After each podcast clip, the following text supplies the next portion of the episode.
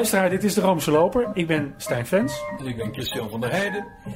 De zomer is voorbij, Christian. En ik moet zeggen, ik ben er eigenlijk wel een beetje blij om. Ik, eh, ik ben altijd heel blij als de herfst weer gaat beginnen, want er is zoveel te doen. We hebben vier mooie gesprekken gehad met achtereenvolgens. Nou ja, Rosita Steenbeek, Fons de Poel, Danny Christian en Tom Rombouts. En ik moet zeggen, ik heb ervan genoten. We zijn op pad geweest. We zijn op reis geweest. We hebben gedineerd op plekken waar we nog nooit geweest waren. Maar het is ook wel goed om weer normaal te gaan doen. Ja, want er is veel te bespreken. De paus is zojuist teruggekeerd uit Colombia. Een reis die volgens hem in dienst moest staan van het vredesproces.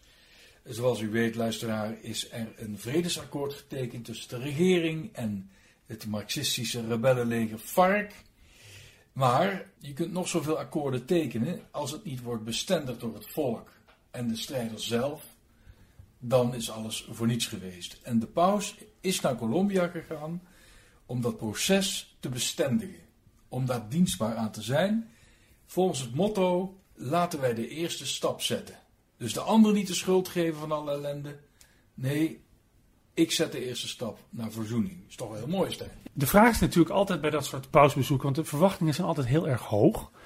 Uh, heeft het gewerkt? Nu heb ik begrepen dat de president van Colombia, Santos, winnaar van de Nobelprijs voor de Vrede uh, 2016, heeft gezegd dat er tijdens het verblijf, hoe zat dat nou, van de paus, zijn er minder moorden gepleegd? 60% minder moorden gepleegd. En dan worden zo per dag in Colombia 50 moorden gepleegd. Kom maar in gedachten dat bezoek van de paus aan de Centraal-Afrikaanse Republiek. Daar, was, er was ook veel onrust, er was ook veel geweld onderin tussen moslims en christenen. En ik heb later nog eens gehoord dat dat, dat pausbezoek in die zin wel een heilzame invloed heeft gehad. In ieder geval is eh, president Santos ervan overtuigd, dat heeft hij tenminste ook gezegd, officieel, dat zijn land uh, niet meer hetzelfde land is. Het is een beter land geworden dankzij de paus. Steek het maar in je zak. Nou ja, dan, dan denk ik aan uh, ons eigen pausbezoek, wat we hebben gehad. 1985. Ja, dat was een zeer succesvol pausbezoek. dat was een drama. Ja. Dat was, dat, dat, ik was toen 19 jaar en ik geneerde me kapot hoe die man niet ontvangen ja, werd. Ja, popie, jopie, ja, dat was... Ja, dat was, dat, dat, dat was nog niet, dat was niet eens de eerste, maar... Jij bent Beatles-fan, hè? Ja. Uh, jij hebt natuurlijk net niet meer meegemaakt dat de Beatles door de grachten werden vervoerd. Want toen was jij nog niet geboren. Nee, ik was, sterker nog, ik was nog niet eens geconcepteerd. Juist, nou. Maar dit soort toestanden, die in het collectieve geheugen gegrift staan, ja. doen zich voor bij elk pausbezoek in welk land dan ook, behalve in Nederland. Ja. Dus mensen die klimmen in, in bomen en lantaarnpalen en rennen zich helemaal suf om die pausmobiel te volgen. Trouwens, over de pausmobiel gesproken. Die chauffeur die moet toch wel niet zo hard remmen. ik moet zeggen van, uh, ja, ik zag je het gebeuren. Ik zag het gebeuren en ik dacht, oh jee, oh jee. Maar um, uh, het mooiste vond ik, en dan blijkt dat hoe mooi de pauselijke kleur wit is, die paar bloedspetters. Heb je die gezien, Chris? Ja, dat is op de zoek ja, ja. Luisteraar, wat is er gebeurd? Um, vanaf het vliegveld van Cartagena uh, naar een beetje loesje buurt in, ja, in San Francisco heet die, die buurt ook nog. Um, daar was de paus, die stond rechtop in de pausmobiel. Allemaal mensen aan het juichen. En er stonden wat kinderen. Toen dacht hij, ach, weet je wat ik doe? Ik buig even voorover om die kinderen een speciale groet te geven. En die chauffeur, die, die hoorde volgens mij iets zeggen van de beveiliging. Ja, even stoppen voor die kinderen. En die trapt hard, hard op de rem. En we zien dus dit ook gebeuren, dat de paus, doef, die butst met zijn hoofd, met zijn, de linkerkant van zijn gelaat, tegen een van de spijlen aan van, de, van die ruiten van die pausmobiel. Ja, ja blauw oog. Nee, ik ben. Kneuzing in, in, in, de, in, de, in, de, in de wang, het zag er niet uit. En ik had eigenlijk wel met hem te doen. Het deed me toch ook wel een beetje denken aan het verhaal van, van Jacob. Het Bijbelverhaal, eh, die dus ook gevochten heeft met, uh, met de engel. En die engel die schopt een mank. Hè? En daarna heet hij degene die met God heeft gevochten, Israël. Dus de engel liet een, een, een teken achter, een fysiek teken. En de paus heeft ook gezegd in een opwelling van humor: uh, Ach, ik neem een heel mooi souvenir mee, terug naar Rome. Ja. In ieder geval blijft hij eraan denken. Het doet hem dus letterlijk ook pijn wat daar gebeurt. Als een soort hemelsteken van dit mag jij voorlopig even niet vergeten. Nee, dat vind, vind ik een prachtig verhaal. Maar ik denk toch ook aan deze arme chauffeur. Die pauze is inmiddels weg. Die, komt, nou, die mag een paar dagen, krijgt een paar dagen vrij. Komt terug op kantoor. Moet bij zijn chef komen. En wordt vervolgens, want daar weten ze daar in Colombia wel raad mee. Hè? Wat met dit soort dingen. Ja, die zegt Juan of Pablo. eh, hoe vind je zelf dat het gegaan is? ja, ja, ja. Ja, in ieder geval. Maar ik, wat, ik, wat ik wel, wat ik, wat ik wel, eh, wel, toch wel, toch wel mooi vind, is dat als de paus in Zuid-Amerika is, dan zie je eigenlijk hoe die man is. Dus de, de persoon en zijn omge- natuurlijke omgeving vallen samen. En dan, dan, dan is het volkomen normaal dat hij eens het raam open doet, of dat hij gaat zingen, of dat hij wordt toegezongen. Terwijl dat, dat, dat in Rome is dat toch, wringt dat nog altijd toch een beetje. Dat is ook zo. Eh, Nou is natuurlijk Colombia geen Argentinië. Nee. Colombia is, is, is tenminste, eh, die delen waar hij geweest is, heel tropisch. Eh, laten we even luisteren naar een stukje muziek. Eh, waarmee de paus is ontvangen op het vliegveld van eh, Bogota.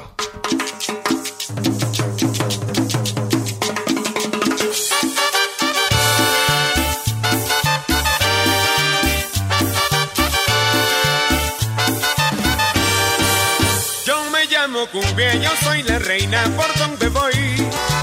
No hay una cadera que se esté quieta donde yo estoy. Mi piel es morena como los de mi tambor. Y mis hombros son un par de maracas que besa el sol. Y mis hombros son un par de maracas que besa el sol. Tengo en la garganta una fina flauta que Dios me dio. Canuto de millo, ebrio de tabaco, aguardiente y ron. Cojo mi mochila, enciendo las velas, repica el. Y enciendo en la luna y en las estrellas toda mi voz. Luna y en las estrellas toda mi voz.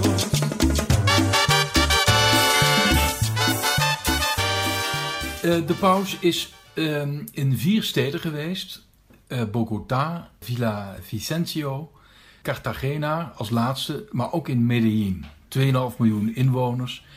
Eh, in de jaren 80 het domein van Pablo Escobar. En we kunnen geen serie bekijken van Netflix of die Pablo Escobar, die komt daar wel in voor. Heb je Narcos gezien, Stijn? Ja, nu, nu dat is ontzettend jammer. Dat heb ik nog niet gezien. Die moet je echt zien. Ja. Maar dan weet je ongeveer wat zich daar afspeelde in Medellin. En in die jaren, eh, 1986 bijvoorbeeld, toen gewoon heel Medellin van Pablo Escobar was, toen was daar Johannes Paulus II ook al. Hè? In 1968 was Paulus VI er al, dus het is, in, het is nu de derde keer dat er een paus is.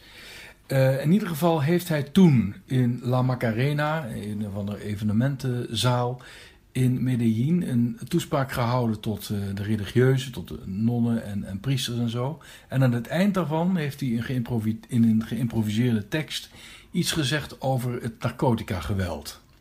En daar heeft hij toen eh, gevraagd aan, aan de geestelijkheid om te bidden voor die huurmoordenaars. Dat zij van God maar vergeving mogen krijgen. Prachtig. Dat is prachtig. Ja, ja, ja. En ik vraag me af, ehm, kijk, als je dat tegen ons zegt, dan denken we oké, dat is allemaal heel vroom. Maar in die eh, context maakt dat toch wel indruk. Je moet niet vergeten, het is zo'n katholieke cultuur. Zelfs huurmoordenaars, ja, die steken nog een kaarsje bij Maria op. En er, wordt- er wordt wel schamper gedaan over de, zeggen, de invloed van de paus op dit soort processen. Volgens mij heeft hij de boel toch bestendig. Hij heeft die mensen moed gegeven. Hij heeft eh, ook, een- ook een compliment. En dat, volgens mij moet dat, zeker in dat Colombia, toch, ja... Dat, dat doet natuurlijk wel iets, maar Johannes Paulus II, die was er ook al. ja. En, Dus en toen deed het- het helemaal niks. Nee, dat is waar. Dat is ook weer waar. Dus, dus we Maar ja, moeten kijk, dat allemaal niet Dus, overschatten. maar waar, dus de vraag is eigenlijk van ehm, in hoeverre, dus daar hebben we het al over gehad, is een succesvol pausbezoek, ehm, werkt dat door in een land? Maar je hebt altijd positieve en negatieve invloed. Ja. Nou, de paus is eh, weer terug. Hij gaat in november gaat hij naar eh, Birma en naar Bangladesh, Myanmar. Myanmar, maar wij, ik zei nog even Birma. Nou, er is Maar- trouwens ook wel wat aan de hand daar. Hè? Nou ja, kan hij ook wel wat. Er valt ook wel wat voor de paus te doen. Ehm, maar als je nou kijkt naar die hele, die hele rits van landen waar die nou in die 4,5 jaar eh, dat die paus is geweest is, dan ontbreken eigenlijk gek genoeg de twee landen waar hij gewoond heeft, namelijk Argentinië en Duitsland. Duitsland is bovendien ook nog een heel belangrijk land in de katholieke kerk. Tenminste, de, de Duitse kardinalen bijvoorbeeld hebben volgens mij zijn verantwoordelijk mede voor het feit dat hij paus is geworden. Mm. En Argentinië, het lijkt wel alsof hij nou zijn eigen thuisland, ehm, dat hij daarvan terugschikt. Ja, ik, ik weet ook niet precies wat dat is. Misschien is de politieke situatie sinds eh, het aftreden van eh, Christina Kirchner niet meer zo stabiel of niet meer zo gunstig voor hem. Misschien wil hij ze niet voor de voeten lopen, maar ik denk, Jezuïet als hij is, dat hij in ieder geval niet de indruk wil wekken: ik ga nu naar mijn thuisland. Alsof hij Argentinië zou willen voortrekken. Nou ja, dat wou ik. Ja, dat, nee, nemen de woorden uit de mond. Ik denk dat hij is natuurlijk ook wel zo dat hij zegt: Nou ja, denk nou niet, omdat jullie het land van de paus zijn, dat ik wel eens even naar jullie toe kom rennen. Nee, ik heb eerst heel veel andere werk te doen. En als ik klaar ben, kom ik wel een keertje terug Ja. naar eh, Argentinië. En we moeten natuurlijk niet vergeten dat eh, Bergoglio in Argentinië controversieel was. Hè?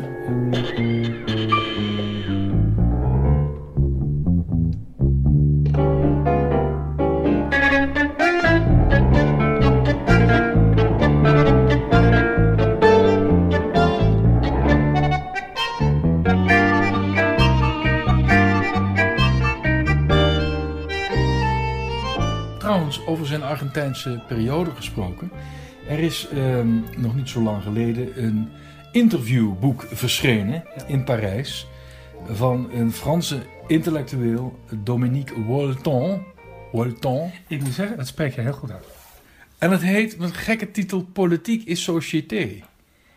Als ik nog een interviewboek met de paus maak, dan noem ik het toch niet politiek en samenleving. Ja, maar dat is wel, denk ik wel, dat is de- de- heel Frans om het boek zo te noemen, omdat dat een grote kwestie is. Hè, de, de, de, de verhouding tussen de kerk en de staat is een. Is een Nou, de laïcité, et cetera, ja. ja. Maar wat zo eh, aardig was in een van de gelekte, bewust gelekte excerpten van dit eh, boek, Wat zeg je nou? eh, passages, Oh. dat was namelijk het volgende. Dat de paus onthulde dat hij, toen hij 42 jaar oud was, psychoanalyse heeft gehad. Nou, ik sprak iemand in Rome en die werkte, die, die werkte in het Vaticaan en die was gewoon gechoqueerd. Wie dan? Ik wil namen horen. Nee, ik geef geen naam. Laten we hem Giovanni noemen. Giovanni.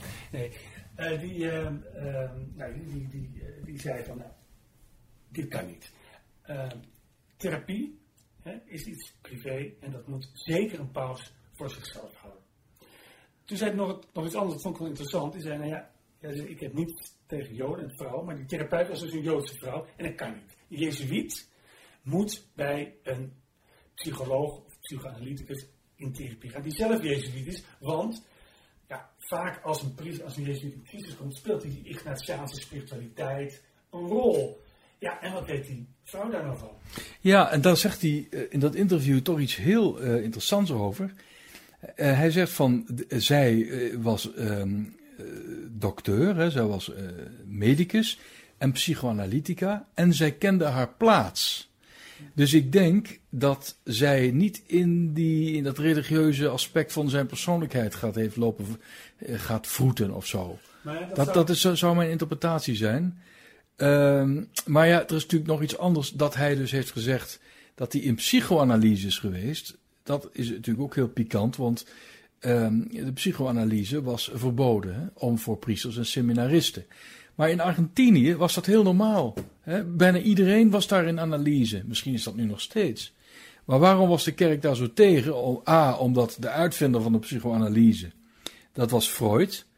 Eh, dat was een atheïst. Die vond religie, eh, ja, dat, dat- was eigenlijk een, een, een verstoring van het, eh, van het gewone persoonlijke leven. Ehm, het driftleven wordt besproken in de psychoanalyse, met name de seksualiteit. Dat zijn toch allemaal een beetje, ja, nare dingen om daar met een buitenstaander over te spreken. Ja, maar dan, dan, dan, meneer, wat jij zegt, even terugkomend op wat jij zegt, is dat die vrouw, dus zij kende haar plaats. Dus, dat is, Nou ja, de- de- niet van jij bent minder, Nee, nee, nee, maar, maar ze maar gaat dus, ze ging hem dus niet ehm, aanvallen, omdat hij dus religieus was, omdat hij jezuïet was. maar dat zou betekenen, Sterker nog, hij respecteerde hem zo dat later, toen zij ouder was en ging sterven, heeft ze met hem gesproken. Toen heeft ze hem om raad gevraagd. Niet om de laatste sacramenten te krijgen, want eh, ze bleef joods. Maar toch om, om met hem van gedachten te wisselen. En dit is interessant namelijk. In de psychoanalyse, daar heb je namelijk, eh, er is sprake soms van overdracht. Dat je dus gevoelens gaat projecteren op de therapeut. Maar het kan ook andersom gebeuren dat de therapeut gevoelens gaat krijgen voor de, uh, degene die wordt geanalyseerd. Het zou dus best kunnen, daar schrik ik helemaal niet van, dat uh, uh, Jorge Bergoglio, een doorgewinterde Jezuïet, in analyse zijnde, in zijn antwoorden misschien wel zoveel indruk maakte, dat, dat voor hetzelfde geld de psychoanalytica in analyse was bij hem. Ja, ja. Ik, wil, ik, wil nog even terug naar het moment, hè. 1979. Eh, Hij was zijn termijn als uh, provinciaal van de Jezuïeten in Argentinië zat erop. Het was een, grote crisis voor hem. Hij wist eigenlijk niet zo goed. Het was heel moeilijk geweest natuurlijk met die vuile oorlog. Uh, hij was nog jong eigenlijk. Ja, en die provincie was eigenlijk ook gespleten. Net zoals dat hele land eigenlijk gespleten was. Dus hij zat op het moment dat hij eigenlijk niet goed wist hoe het met zijn leven verder moest. Ja. Ik geloof niet, ik, hij, hij, zat er een beetje doorheen. Ja, en ik geloof niet dat het een geloofscrisis was. Dat is meer echt een persoonlijke crisis van, ja, hoe moet het verder met mij? Ja, omdat hij ook geconfronteerd was met allerlei aspecten van zijn persoonlijkheid, namelijk autoritair gedrag. Ja. Daar is hij misschien ook zelf wel een beetje van geschrokken. Toen hij geen autoriteit meer had, eh, toen keek hij terug op al zijn autoritaire uh, activiteiten, dat hij denkt, mijn god, wat heb ik gedaan? Waar komt dit vandaan? Hij heeft, hij heeft ook gezegd, ik heb in die tijd honderden fouten gemaakt. Honderden zonden begaan. En, uh, nou ja, en ik dacht ook nog, misschien doet hij dat, want jij zei al terecht, het is eigenlijk, Freud is heel lang binnen de katholieke kerk persona non grata geweest. Nou, en ook andersom, hè. de katholieke kerk was persona non grata bij Freud. Hè? Ja, ja, hij had er echt een hekel aan. Uh, maar dit is, dit is toch, dan slaat deze paus, nou wat is het, uh, bijna 40 jaar nadat hij in therapie is, toch weer een brug van naar Freud. Ja, dat is interessant. En dat hij ook niet bang is om dat gewoon te zeggen. Kijk, dat iemand in psychotherapie is, dat vinden we natuurlijk allemaal heel gewoon nu. Maar het interessante is dat hij dus echt zegt: ik was een psychoanalyse. Wat dat precies inhoudt, dat weten we niet, want daar is die Dominique Walton, die is daar eigenlijk niet diep op ingegaan. Hij heeft niet doorgevraagd. En dat vind ik toch wel jammer. Maar goed.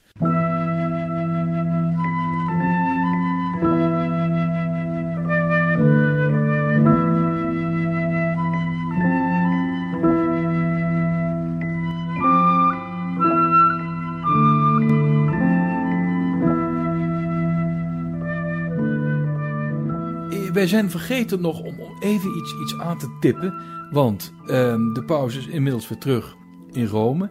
En hij heeft zoals, ehm, zoals gebruikelijk heeft hij een persconferentie gegeven aan boord van het vliegtuig dat hem terugbracht naar Rome. Ja, ik daar eerst ook zeggen? Um, die, ik heb het zelf twee keer meegemaakt. Uh, maar dat was onder Benedictus XVI? Benedictus XVI. Dus als de, als de, de lichtjes van stoelrimmen vast uit zijn, komt de paus dan naar achter, want daar zitten de journalisten in het, uh, in het vliegtuig. Wanneer was dat? Dat was in 2008 en hetzelfde jaar ben ik met Benedictus XVI in Frankrijk geweest. Eerst naar Parijs en toen naar Lourdes. Nou ja, kijk, en dan, dan mag een vraag gesteld worden. Nou, nou, nou, weet je hoe het met jou is als je in een vliegtuig bent? Dan ben je al een beetje anders. Op ieder moment neerstorten. Het is een vreemde omgeving en het is des te vreemd omdat paus geven geen nooit persconferenties, alleen ja, dat, dat, is natuurlijk heel vreemd. Dat is heel vreemd. Ja. En, en, en, daar zijn natuurlijk al in het verleden al ongelukken mee gebeurd. We hebben bijvoorbeeld beroemde persconferenties van Paus Benedictus. Naar Cameroen, meen ik? Ja, naar Afrika. En toen hij dus een vraag kreeg over uh, condooms. condooms. En dat hij, volgens in mijn hoofd zeg ik dit, dat hij gezegd dat condooms het probleem nog maar erger maken. Vervolgens landt hij in, in Afrika. Houdt daar de meest geweldige toespraken over Afrika en over de rol van de vrouw. Niemand is, was er meer geïnteresseerd. Het ging alleen maar over condooms. Ja. Het Europees parlement is poetsen in eigen weet ik. Maar. Ja. Nou ja, dus het is, en deze pauze heeft ook altijd een aantal keren al in het vliegtuig zich opvallende uitspraken gedaan. En hij is eigenlijk ook een beetje bang, hè? Voor, dus daarom is hij bij het begin allemaal aan het paaien. Hallo, fijn dat je er bent. Hij wil ze natuurlijk de vriend houden. Hij wil Mr. Nice Guy zijn. Ja, nou, dat Benedict XVI nooit. In ieder geval, hij was het eigenlijk bij, aan het begin van zijn pontificaat ook niet van plan, hè, die persconferenties. Toen hij naar Rio de Janeiro ging in de zomer van 2013, zei hij: Nee, dat, ben ik, dat, dat, dat, dat doe ik niet, ik ben daar niet goed in. En toen gingen ze weer terug. En toen deed hij het wel. En sindsdien heeft hij het altijd gedaan. Ja, dat is de, de, de persconferentie met de beroemde uitspraak over, uh, over homoseksuelen. Wie ben ik om te oordelen, ja, om over hen te oordelen? Maar goed, hij is nu weer, uh, en het is elke keer, dan, dan, dan, uh, dan hij vliegt dan terug en dan houden ze in het Vaticaan een adem in, want daar gaat hij weer. Ja. Hè, dat is tegenwoordig een, en vroeger was het zo dat je landen, hè, dat je hebt vaak geen, geen, geen, geen apparatuur, geen, geen verbinding in het vliegtuig. Er is nu een embargo van twee uur na al landen. En dan breekt uh, het nieuws is. En er is nieuws, tenminste in die zin. Ja, het heeft wel te maken met, uh, met de Amerikaanse actualiteit. Het betreft uh, het hele gedoe met de Dreamers. Ja, dat zijn dus de, de, de, de, de kinderen de, van illegale immigranten. En die hebben eigenlijk altijd, zijn altijd beschermd geweest tegen deportatie. Maar dan moesten ze wel geboren zijn in Amerika. Geboren zijn in Amerika. Nou ja, en daar werd natuurlijk onmiddellijk naar gevraagd, want we kennen de geschiedenis van deze paus met Donald Trump. Hè, de uitspraak van uh, wie, een buur, wie een muur bouwt, hè, uh, die die muur bij Mexico, die kan zichzelf geen christen noemen. Nou, en nu heeft hij gezegd, uh, hij is dus gevraagd naar, de, naar Trump en die dat wil afschaffen. Dat, ja, we even zeggen, die DACA-wet, hè? De, de, Action for Childhood Arrivals. DACA, DACA ja, ingesteld door Obama. Ja. Toch een, mooie, barmachtige wet. Nou ja, de paus, de Franciscus heeft gezegd, nou, ik heb dat, dat nog niet bestudeerd, maar ik heb gehoord dat de president van de Verenigde Staten zichzelf presenteert als een man die pro-life is. En als hij een goede pro-life man is. is, of een pro-life president is, dan begrijpt hij dat het, dat het gezin de wieg is van het leven. En die moet je als eenheid bewaren. Ja, dus als jij dus uh, kinderen ook nog eens een keer het land uit gaat zetten, dan, dan krijg je verscheurde gezinnen. Nou, en hoe kan een pro-lifer dat nu doen? Vind ik eigenlijk wel een hele sterke. Ja, ja, ik vind ook dat hij het ook verstandiger formuleert. Als, dan. Hè? Nou ja, dat, en, en, en noemt nooit de naam hè, van Trump. Hij zegt dan de president van de Verenigde Staten. Ik heb gehoord dat de president van de Verenigde Staten. Kijk, hij weet natuurlijk ook wel dat de koppen, eh, zeker in Amerikaanse kranten, uh, uh, dan zijn.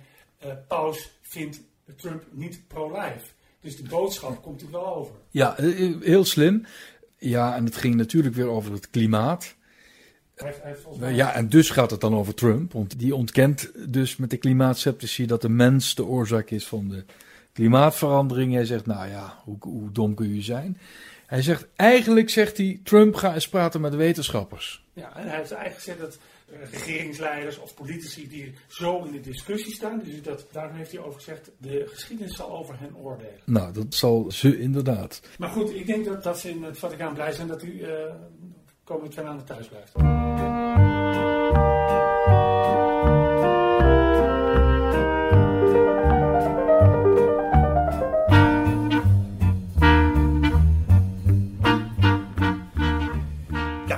Tijd voor onze vaste rubriek.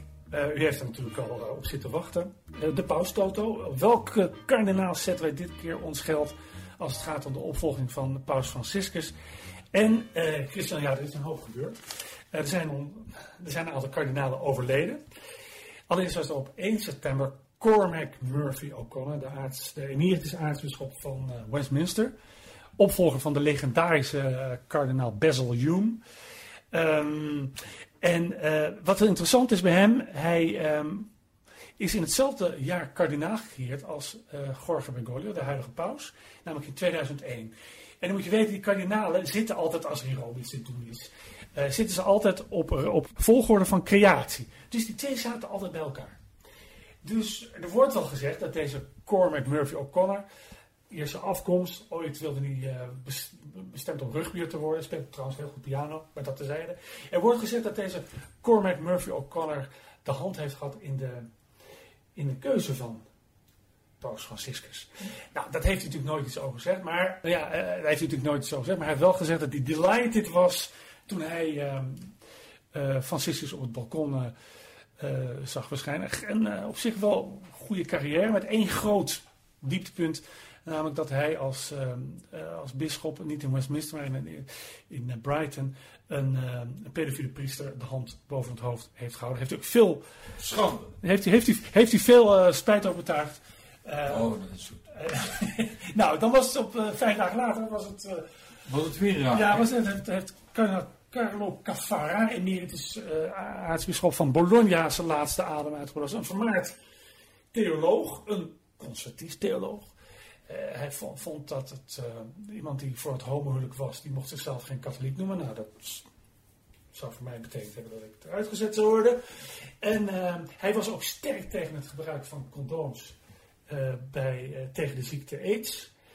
nou ja, hij, en hij moet zeggen, hij was, de Carver was dus heel conservatief en werd benoemd in wat wel de rode hoofdstad van Italië wordt genoemd, nou, Bologna, is een linkse stad.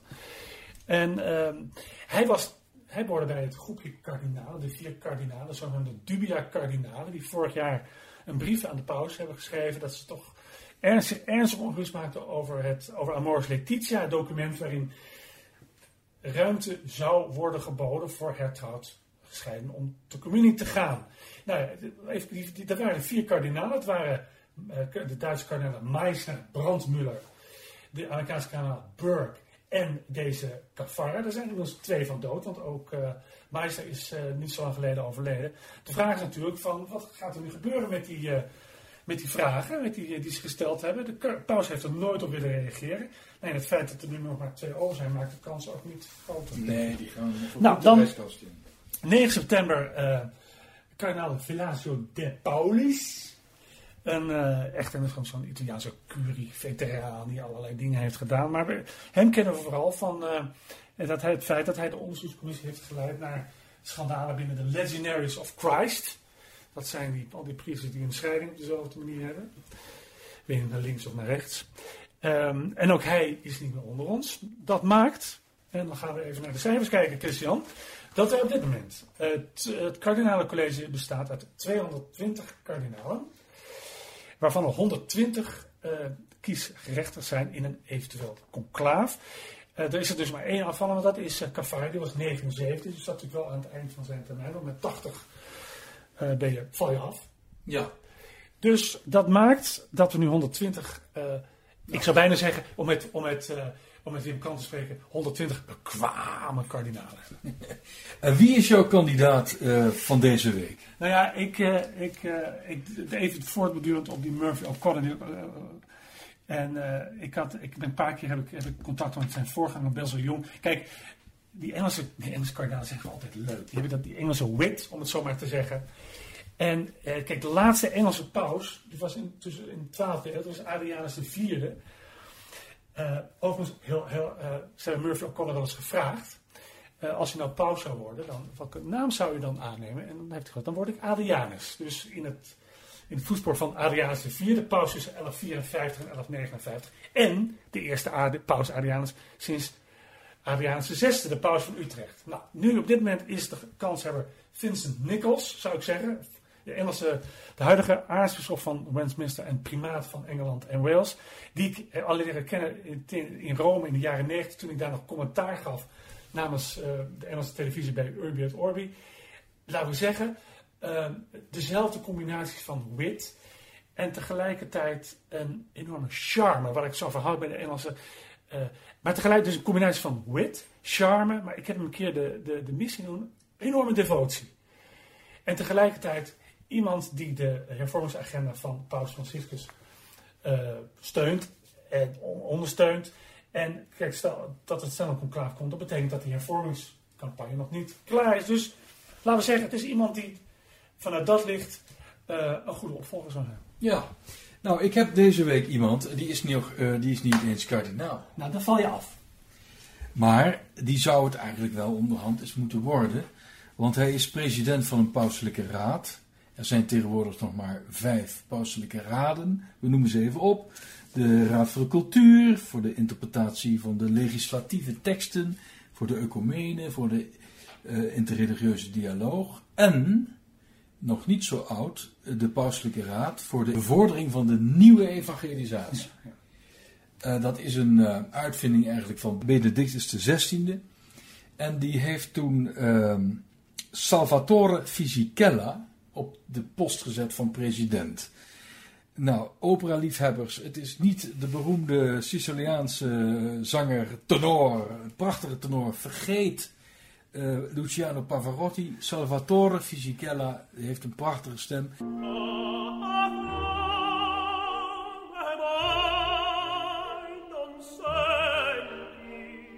Maar die bedoel ik niet. Ik bedoel Salvatore Fisichella, eh, die eigenlijk ook eh, van Siciliaanse bloeden is, eh, die vaak wordt genoemd met zijn voornaam Rino. Rino Fisichella, 66 jaar oud. En die zou volgens mij bij een volgend consistorium wel eens in aanmerking kunnen komen. Het is een man, een echte Siciliaanse kop. Hij zou zo kunnen meespelen in een maffiafilm.